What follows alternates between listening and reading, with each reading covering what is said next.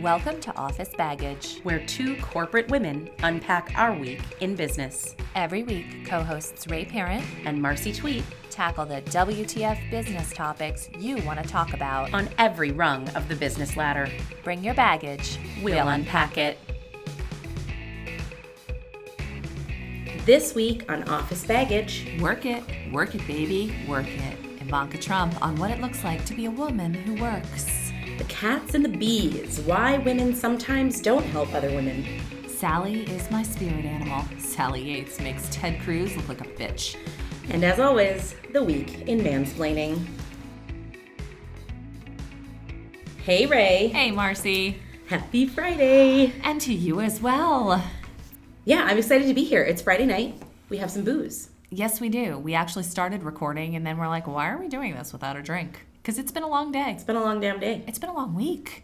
Oh my god.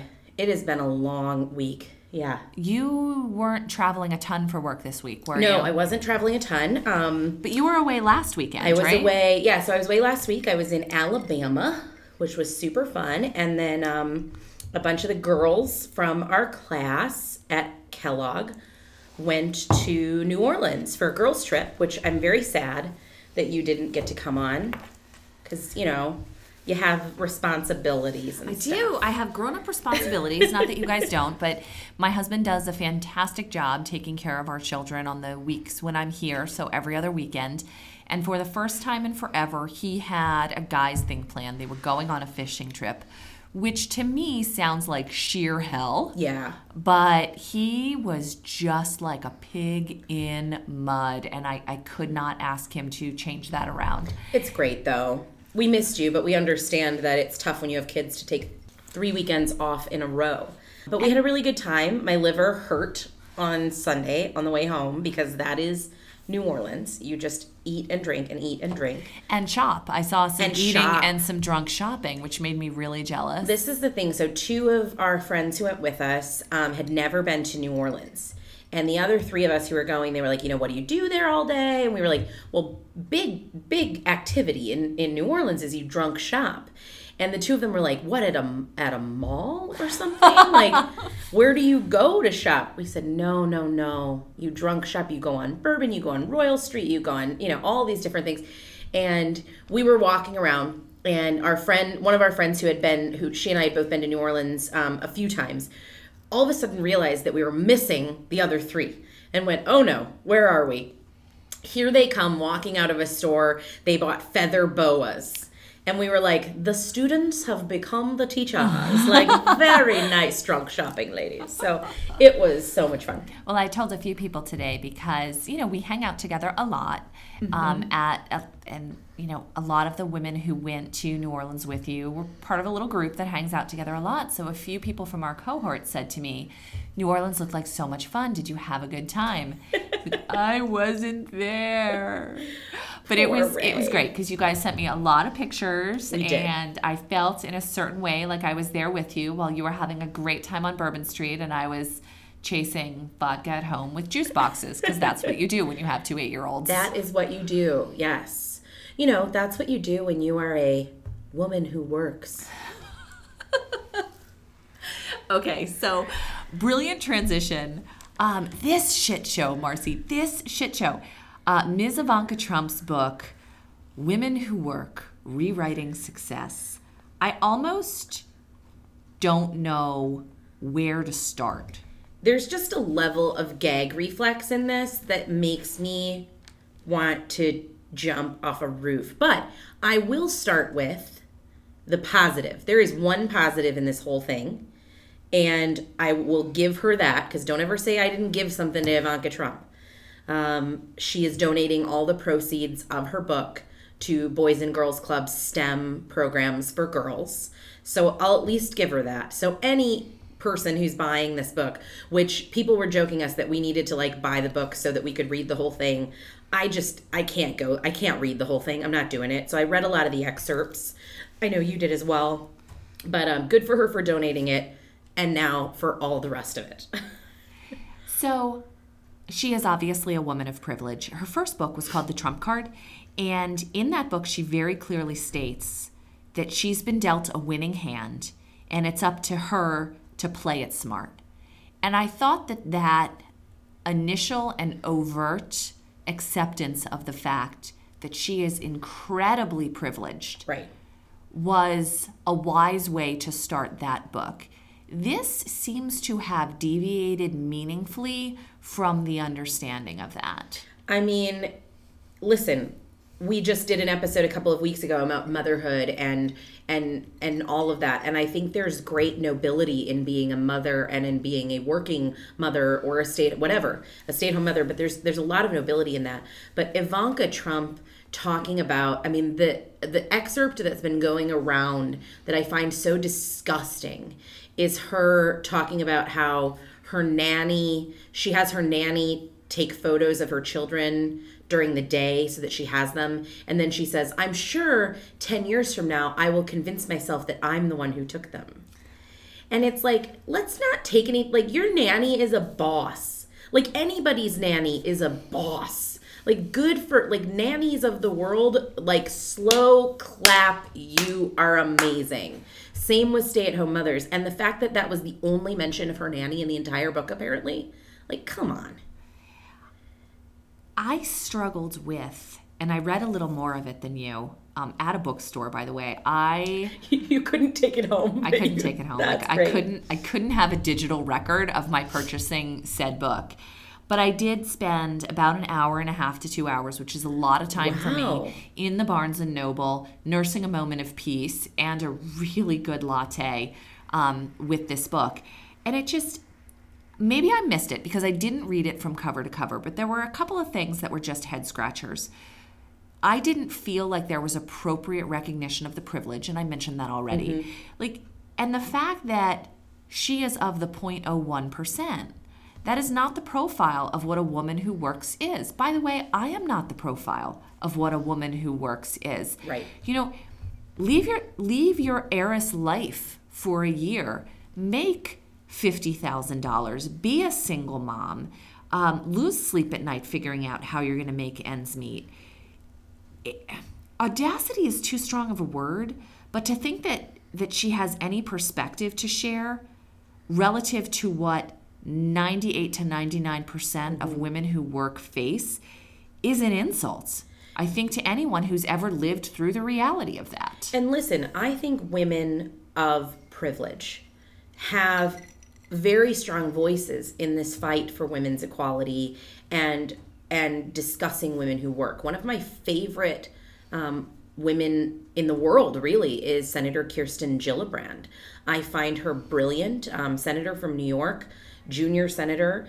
I have heard her speak in person and I've met her briefly. And at the speech I heard her give in person, she's talking about fighting for the rights of women related to healthcare and um, equal pay and things like that. She said to this room, uh, she was in a room, it was a women's, like a women's luncheon, business luncheon, and she said, Think about the women who are going to clean this ballroom tonight. And I make a point whenever I go places to spend time, she said, with the staff who are behind the scenes. And I like, I get to know them because they're my constituents too. They matter. And so even if you are a woman of privilege who makes a lot of money, who has a nanny or a daycare, whatever those things are, get to know the women in your world who don't have those same privileges and begin to develop a level of empathy with them. And it just feels like Ivanka has none of it. I think you make an excellent point. Her her plight, her positioning is not just for people in the one or two percent. It needs to be for people in the ninety eight percent. And there's there's a role that women of privilege play as allies for those who are not of such great privilege. And let's hear. Um, it's funny. I, I think we should again start taking shots every time I say Jen Kirkman or Eliza Schlesinger on the show because they're my favorite people ever. But Jen Kirkman went on a rant on her podcast a while back about um, the actress um, who's married to Justin Timberlake, Jessica Biel. Jessica Biel. Mm. Posted a photo of like, sometimes I am so busy in the morning because I'm such a busy mom that I have to eat in the shower and Jen Kirkman went on this like rant about like you probably have a house manager and three assistants and two nannies. You do not have to eat in the MFing shower. And that you know, step back and admit that you're privileged. And cool, man, if I could have a house manager and three nannies, I don't even have kids and I'd take it. I didn't see that. I have eaten in the bathroom because I don't want to share things. Like, you don't understand this because you don't have kids. I don't.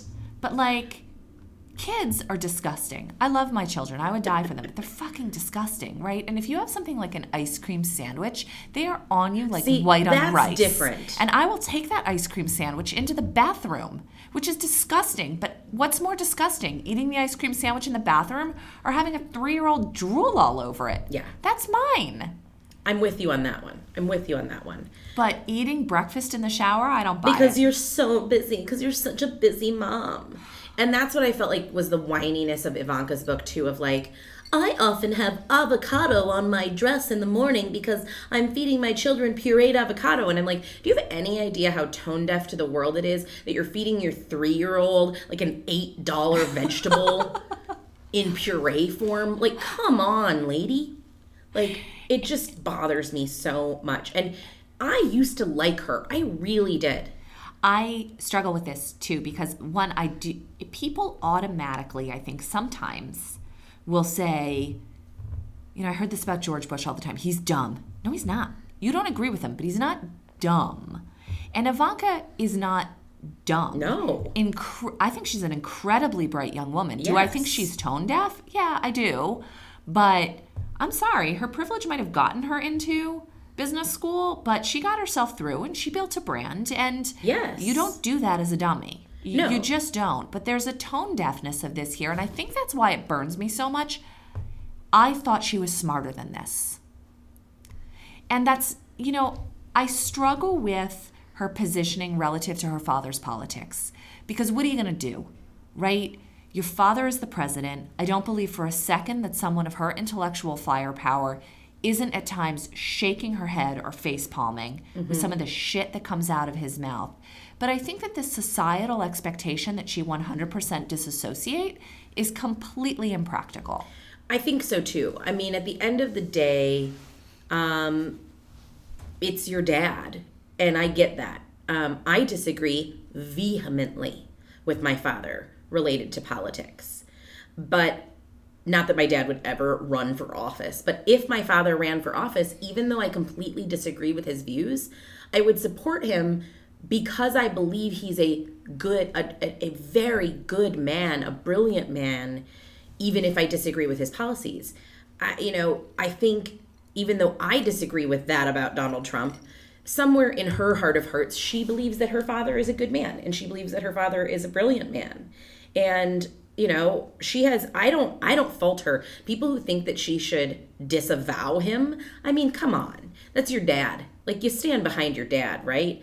And I get that. I just I would like to see her not even have to necessarily break ranks with him, but use the position you've put yourself in for positivity and not in a way that is so self glorifying and self serving. Now, what are the specific elements of how she's transacting that have you believe it's self serving? Well, I mean, let's not forget she wore her own, you know, she's wearing her own dresses to every appearance. She wore that piece of jewelry, and her PR team came out with it afterwards on the interview on, I think it was 2020, and said, Here's where you buy this $500 piece of jewelry. I mean, bottom line, she has a business.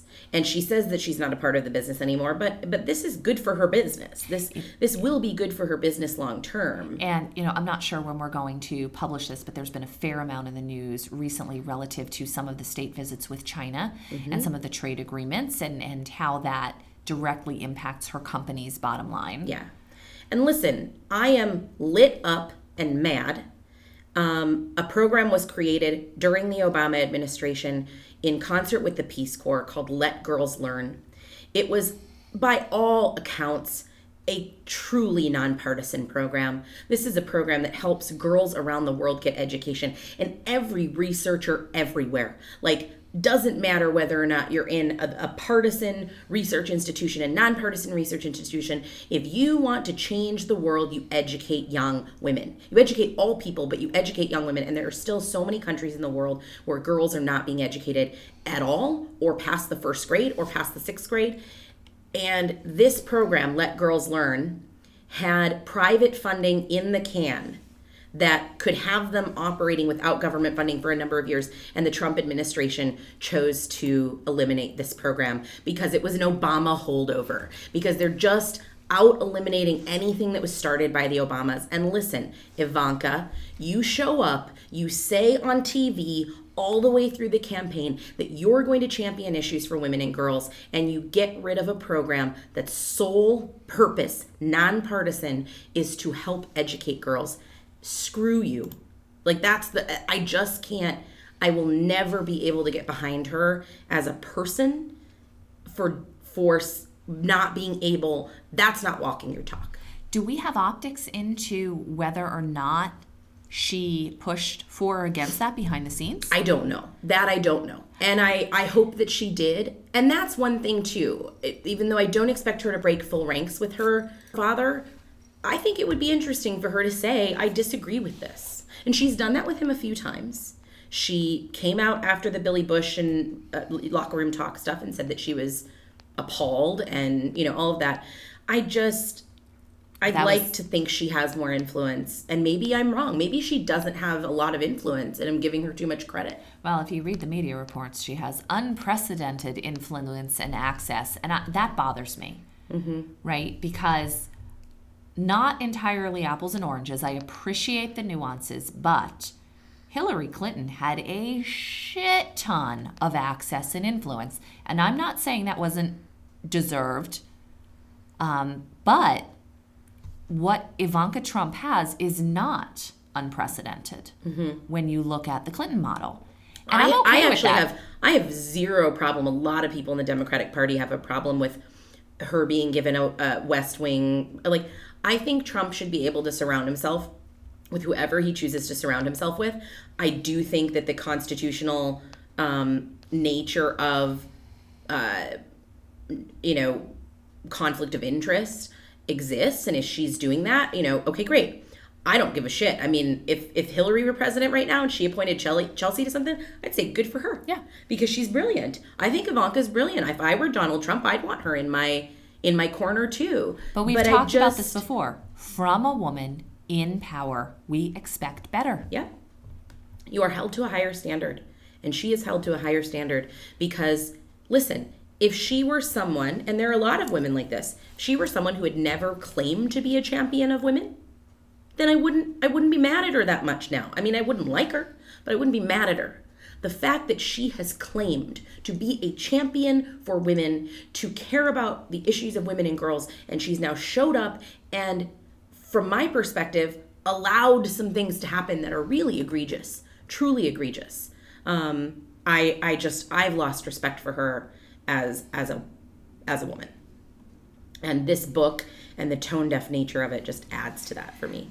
A lot of people are struggling also with the idea of curated perspective. There's very little in this book that is her own words, and she, it, it, you know, a very thorough bibliography at the end of the book, but it's essentially a mismatch of quotes, some of which feel like they're very much taken out of context from philosophers, influential people. Um, it's difficult for me to make out whether she was using these quotes to lend substance to her own words or simply to kind of pad the book and reach a certain page count. I don't know. Either way, it, it's not it's not what I would call enlightening. It's it feels in some ways regurgitated from the women who have written really fantastic books or given fantastic talks and that this just feels like a, a mishmash of regurgitation under Ivanka's name in a lot of ways. And not only that, but a tone deaf mishmash. I would really love to be able to support her, but I just I can't. The editorial reviews really blew my mind. I, I guess so. I read the back of the book. You know, who knows more about success than Ivanka Trump? Buy it and learn something. This is a chatty, step by step guide to living a happy life and getting ahead in your career. The advice is spot on for everyone, not just women. And from Mika Brzezinski, Ivanka shows how success starts with a certain mindset that can take anyone to the front office. Like, so I opened it and I was like, oh, mm-hmm. okay. And gosh, I tried. Yeah. Yeah. I mean, So I guess the question for me is did I try and fail and miss something in, in my perusal of the book? Or is the book really a trial and a failure? I'm going to go with the latter. I think it is the latter. I think, you know, and even separately, you know, Ivanka knows how controversial everything their family is doing right now. Like now's not the time to release a book. You know, release a memoir in a few years when all this stuff is behind you. You know, listen, I did I disagreed a lot with a lot of the things that that George W. Bush did, but um, I have never thought that he was dumb. I think that he did some reckless things, but I've always respected him and his intelligence and his um, and I've respected the office. And I think history will always play differently a few years later. And I think one of the smartest things that George W. Bush did following his administration was sort of shut up for a while and wait and and let it be. I don't think being in the administration at any level now's the time to write the book, right? You write the book later. Um, so I just think her timing was off and the book's off. Um, yeah, and I just uh, it's tone deaf, and I think that's been the thing that I've seen everywhere is it's tone deaf. I keep coming back to you have this incredible stage. Do better.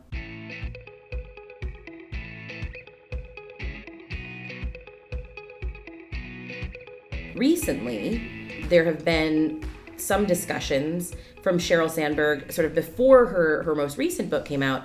New York Times article last year, Sheryl Sandberg and the myth of the catty woman. And that's the, the second thing we wanted to get into today is sort of this notion of, you know, we're sitting here, we just spent the last 20 minutes talking about Ivanka, and I'm mad at her, right? like I'm mad at her. So, you know, am I being am I being catty? Am I like not women helping women? Like I, I pride myself on being by doing that. So there are two dominant kind of cultural ideas about the role that we play as women in helping other women advance at work. And they're kind of in diametrical opposition. There's this idea of the righteous woman, and then there's this idea of the queen bee. And so where the righteous woman ideal basically postulates that women have this moral obligation to help each other and to have each other's backs. And this this I think it was Madeleine Albright who said there's mm-hmm. a special place in hell for women who don't help each other. Yes. And I think that the thesis behind that is because we all experience, quite frankly, the things we talk about on this podcast the mansplaining, the sexism that we should all be in tune to these gender barriers.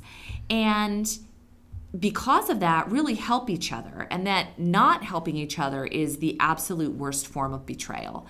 And so that's this kind of righteous right. woman. Whereas the queen bee belief on the other hand basically says we can't get along that there's something inherent in the female persona the female gender that causes us to undermine each other on the job all the time and that's the cattiness that's mm-hmm. that I I personally like look at you and I can get really catty sometimes, but I find that our cattiness tends to be based in look at all this power she has and how it is being misappropriated. I think there's a difference. I would never for anyone in the world that I've ever been behind the scenes catty to, I would never take away from that person's success or I think the notion of women being catty to one another in business is this feeling like women don't want each other to succeed. And I just I don't believe in that at all. No. Um, I think, you know, I think there was this notion of you can either live, you know, I had a great coach once who, who said to me, you either live in a world full of scarcity or a world full of abundance. And I think cattiness comes from people, not just women, people um, in the workplace who live in a world of scarcity. That if she got promoted, that means I'm probably not going to get promoted, right? Or you live in the world of abundance that says, wow, great, if she got promoted, then that might mean that I can get promoted. And so it's just two sides of the same coin. So I do think this is changing. I think there was um, a notion of cattiness for women in that way because there were only so many seats and that you had to fight for the seat at the table. I think this is changing with with younger generations because we can in a different way celebrate one another's successes instead of thinking oh, I wish I had that, or feeling jealous in that way. So I think it's what you see in the women around you that that who who reach that next level. Um, and I'm struggling with the best way to articulate this, and I'm going to make a mess of it. But you know, early on in my career, especially, I would disassociate myself from anyone who displayed a flaw, and I'm putting air quotes around flaw, but something that was an impediment to their success that could have been stereotypically associated with being female. Mm. So, someone who was air quote emotional, mm-hmm. or someone who was you know, pick any trait that is quote unquote too too feminine. Yeah. Someone who wore pink to work all the time. And I felt like part of my ability to be successful was my ability to be chameleon like with the boys club. And it wasn't until midpoint of, you know, my current career, so I would say about 7 to 10 years ago where I realized the value of authenticity. But I didn't feel comfortable with that at a lower, kind of more junior position. Mm-hmm. And I did kind of feel that look, so and so may have been promoted, such such female may have been promoted, but for me in my experience that was someone who was demonstrated more typically male characteristics didn't get offended with the locker room talk at the table went out to the bars with the guys later in the evening didn't necessarily of course drink as much as them because that would have cut the other way but i do believe there's a for the queen bee, there's a disassociation with inherently stereotypical female flaws. One of the things that drives me crazy and it's you know you have those things that like if someone says something you go like I'm not going to like that person. one of the one of the things and some I hear women say this sometimes it's like I'm not a girl's girl, I'm a guy's girl. If a woman says that, I know number 1, you and I are not going to be friends you and I are not going to be friends. Because what that says to me is you probably rest on the side of not wanting to be around women, not wanting to help be in that sort of women helping women space. And I think a lot of those women are that sort of queen bee type. Um, and listen, I might be a queen bee type. Like I'm the alpha in a lot of places that I am. You know, really? This. Have you met me? Every no, people know this, and I know, and and I get it, and I know that like there are often people who love me or hate me, and I I'm okay with that. And as I get older, I'm learning to control my style a little differently in that way. Um, but I think there's a difference between being a queen bee type or an alpha female type that is. Um, knocking other females or knocking other um, other women and being somebody who is strong and and self-assured and confident but also so supportive of their their sisters in in their success i think you're spot on i, I really do and as I read through these articles, and of course we'll post them on our website, I, I struggled a little bit with some of the positions that I've taken in coaching mm-hmm. because I have, depending on the culture that the woman that I'm, I'm coaching kind of works inside of. I tried to end that sentence without a preposition and I just couldn't pull out mid sentence. Uh, and I know you're not going to edit it out, so I won't even ask. Um, there are a fair amount of times where what I'm effectively doing is coaching her, co- coaching her towards behaviors that are more typically masculine and less feminine, be they in her attire, how she transacts in a meeting. And that feels, in a certain way to me, a little bit traitorous, but also ultimately, you know, look, we didn't we didn't build the board for the game, right? right? We're, this is a game. Don't hate the player, right? Right. All I'm doing is explaining the rules. You can take them or leave them. Here's where I'm trying to get to. About 20 years ago, a woman named Gail Evans wrote a very controversial and, and really terrific book called Play Like a Man, Win Like a Woman. This is an early 90s, I think late 80s, early 90s. Um, Gail Evans wrote a second book, which is sort of my favorite. If you go to come into my house and look at it, it's got tabs all over it called She Wins, You Win. And it's about women helping women. Um, back in the day when Gail Evans wrote this book, it was about if you want to be accepted at the table, you're going to have to play like a dude you're going to have to play like a man. Here are how the men play. Here's how you have to show up. I think we're moving into a world that 15 years ago, you'd coach a woman on professionalism And those traits would be I'm coaching you to be a little more male. I hope that we're moving into a more gender neutral space in our own corporate world, that we can talk about professionalism and begin to make it gender neutral. Because there are some ways, you know, a woman is, let's say, one of my pet peeves is vocal fry, right? Like, I with the hmm, and I don't know what me like I hate vocal fry. And I will do everything in my power to coach it out of people in my team, in my in my extended my larger extended team. Um, and it's very easy to say if you speak this way, if you do the up talk and the vocal fry, Mine is the up talk. My you're going to sound too young, too girlish, too immature. Those words are saying this is more male. You know, I want you to speak more male. I want you to be more like the boys.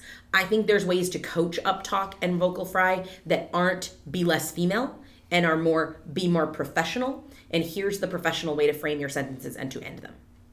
And I think we have to be careful as women, and I think men have to be careful as well to start to frame our coaching in gender neutral ways.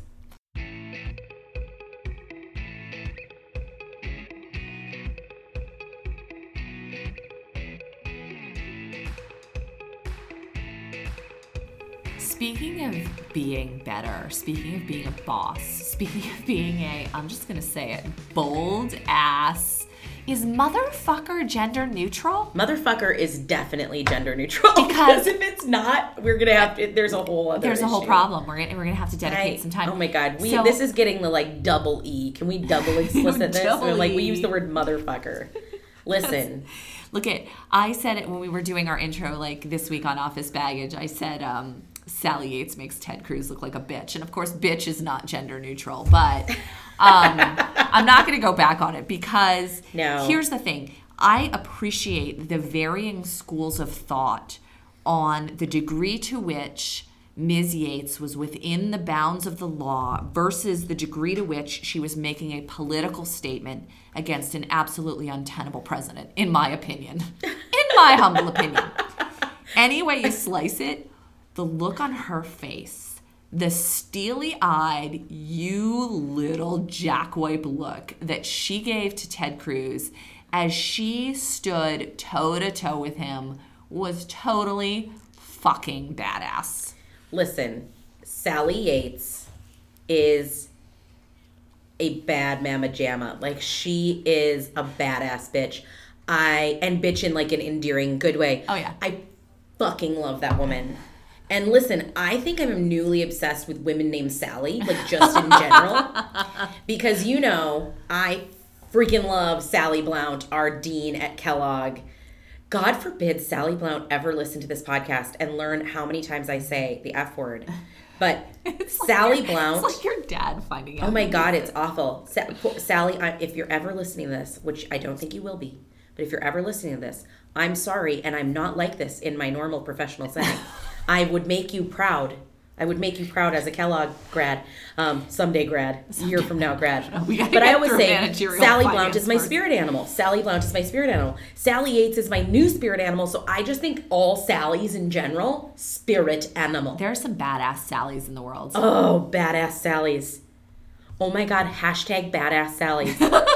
hashtag badass Sally's is is the hashtag for this. There is. I'm clearly more than halfway through my bourbon, so I'm I'm beyond the point of of making relevant. I'm gonna get a points. tattoo that says hashtag badass Sally's. That would be amazing. Um, what's the temporary tattoo company? Like two weeks? Oh yeah, yeah um um ink ink some ink Inkbox, ink box. I wonder Oh, if we, we, should we should get temporary tattoos that say badass Sally's. Can we? Can you customize them? Yes, yet? you can. I think. I think you can.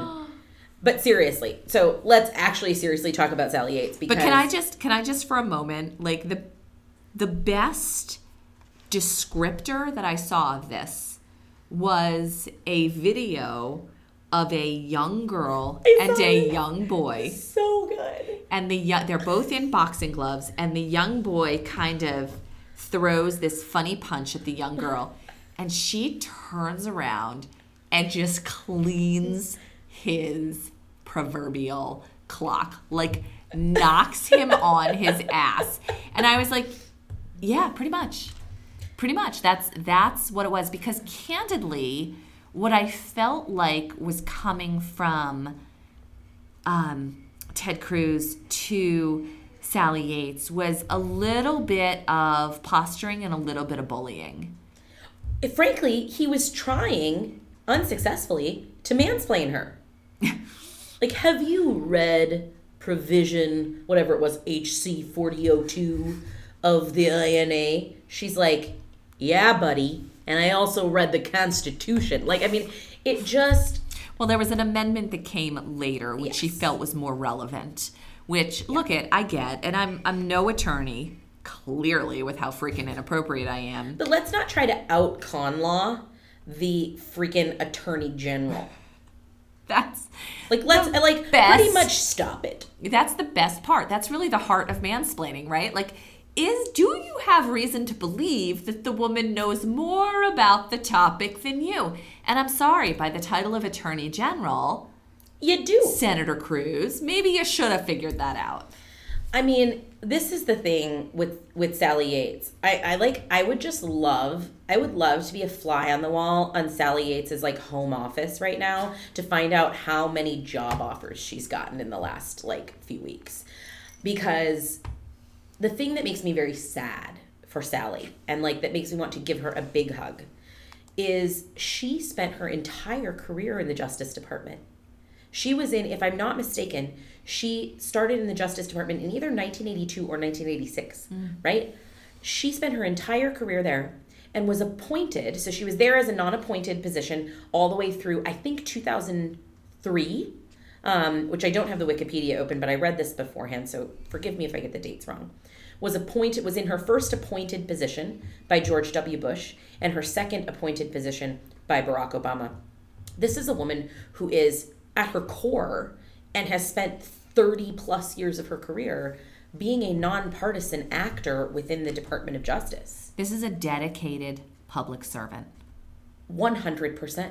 Who, who has done nothing, who frankly could have had a job at any time. Like, I don't know what she makes, right? But in 30 years with the Department of Justice, could have gone private and made 500 grand a year like that, mm-hmm. right? And chose not to because she's a public servant. And to rake a public servant through the coals the way they are raking her, it just like, God, it pisses me off. Agree. And she knew good and goddamn well what she was doing yeah. and the risk that was associated with it. Amen. And she chose to take a stand. And regardless of whether I agree with her politics or not, I do. I respect the hell out of that. But that's the thing. Even you saying that, Ray, I think actually make I don't think what she did was at all political. See, I don't know enough when I, to when, declare. I take her at her word because I believe that when someone puts their hand, whether you're religious or not, someone puts the hand on the Bible and says, "Swear to tell the truth, the whole truth, nothing but the truth." I believe she's not perjuring herself, oh. and she said this wasn't a political decision. This was about what I believed was constitutional or not constitutional. That's fair. That's it. So people can say she's political. I don't think that she was politically motivated. I don't think a 30 year veteran of the Department of Justice that has been bipartisan in everything she's ever done was politically motivated in this. I think she was constitutionally motivated, and that is what an attorney general is supposed to be. I think that's fair. I think the and you know probably separate topic for a separate day and as i mentioned to you when we were kind of going through the notes for this i, I really want to do more research on this and understand it better because i read two very polar things i read the huffington post article and then i read the breitbart article I'm, don't do that i'm sorry right but it, well you know that's one of my fundamental frustrations yeah. just as a citizen of the world like where can i go to just get the facts yeah. Because one more than the other does resonate with me personally, but I do feel like I need to look at the other. Mm-hmm. I, I, just want I just want to understand the facts so that I, I can make my own informed decision. Both any of these media sources do a wonderful job convincing you right. of their partisan politics. Well, and I think that's where I believe very strongly, and this is a completely separate topic, and could, I could talk about for an hour. I believe very strongly in investing in real journalism, and I think despite what the president says about some of these, you know, what he calls fake news. The New York Times, the Wall Street Journal, the Washington Post are real journalists. I read what they have to say Yep. about this, not to take anything away from the lovely people at CNN and MSNBC and whatever. They're they're great people, but I think there is a level of integrity beyond that comes with some of this print journalism that you know i believe in supporting those publications and, and get them delivered to my door every day I, I believe that as well.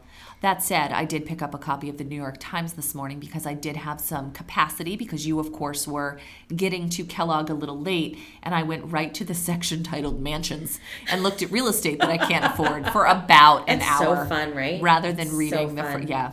Yeah. i love it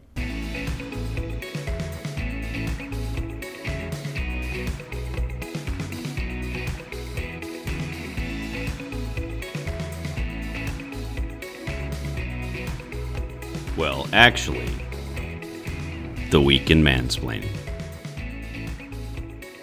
I got a simple one this week.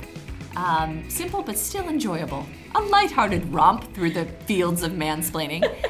I was on a flight here last night. Flight was delayed. Um, but, you know, candidly, we had already made the call that, you know, if I was going to land past 8.30, I wasn't going to come into Chicago. I'd come right here to Evanston. And, you know, sure enough, my flight landed at like 8.41. I was like, it's right on the bubble, but whatever. Um, so, you know, I was pretty mellow on the flight, whatever. It was going to be an easy evening. There was a gentleman sitting next to me who struck up a conversation with me in hindsight for the sole purpose to tell me how awesome he was. And I heard a lot about how awesome he was. Thankfully, this didn't start until we had landed in Chicago and were taxiing. But for those of you who have flown into O'Hare and have taxied, you know that I'm pretty sure that the O'Hare runways are in Michigan and you fucking taxi for 45 minutes forever forever. So he, you know, typical airplane conversation, right? So we get to where you from. I'm like, oh, Northern Connecticut, which is, you know, effectively on the cusp of Western Massachusetts. And I work in Western Massachusetts, which we have already established. And he lives in Western Massachusetts and works in Boston. However, he felt the deep and compelling need to explain to me what Western Massachusetts is.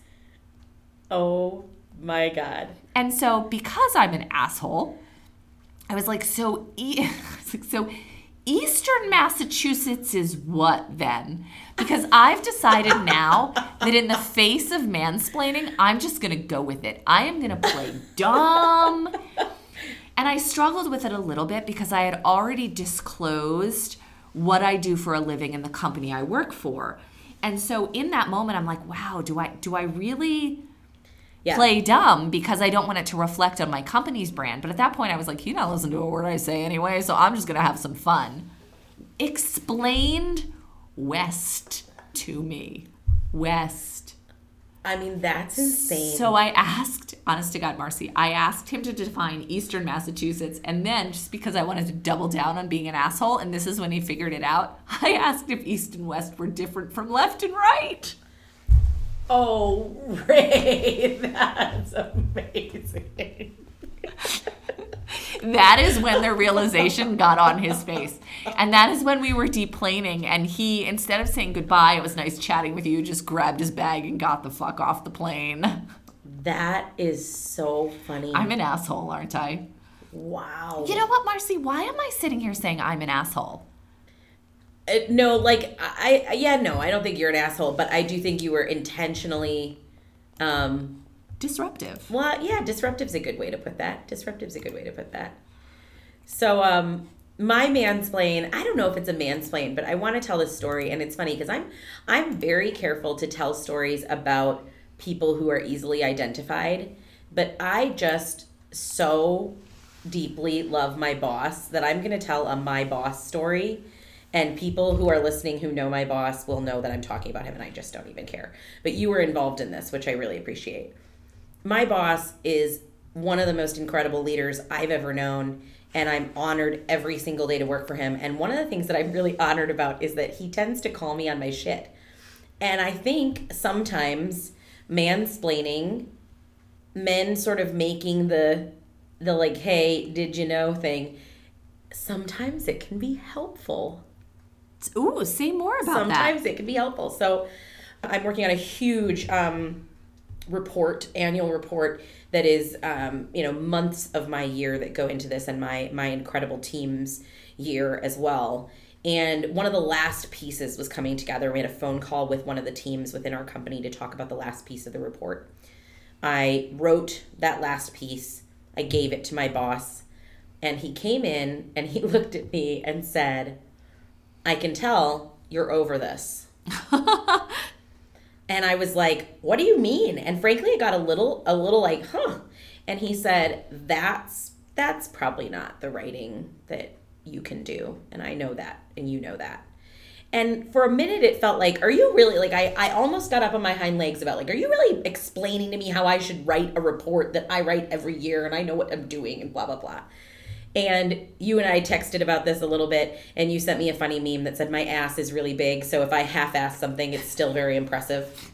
But it's funny because, you know, he was he wasn't mansplaining to me that I had done a bad job, but it was a man I think men have a hard time giving feedback to women, especially, you know, in a work setting. And I think, you know, him coming and dropping it on my desk saying, you know, essentially he said, not your best work he was absolutely right. It was not my best work, and it wasn't the caliber of work that I would expect to come out of my department.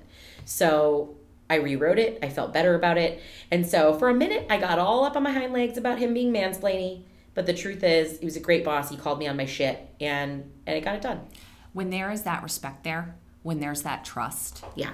um, when there's that, candidly, when you know that someone is your ally, it's not splaining. I say that because I do think we've gotten a little bit of criticism about being too harsh on on mansplaining, almost to the fact that we're telling men that they shouldn't try to clarify things with women. And I think that that's fair. So I bring up that story to say it would be very easy for me to get really nasty and feel like, oh, he's just mansplaining. He's just telling me blah, blah, blah, what to do. If you do it with the right level of tact and care, it it's not mansplaining. Most of the splaining that we get is about, look at me, I'm so smart, respect me, love me.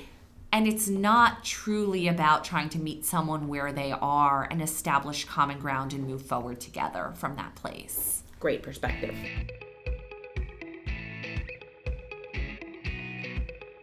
We are so honored to have all of you listening to Office Baggage and learning more about our journeys as women in the corporate sphere and the journeys of the people around us.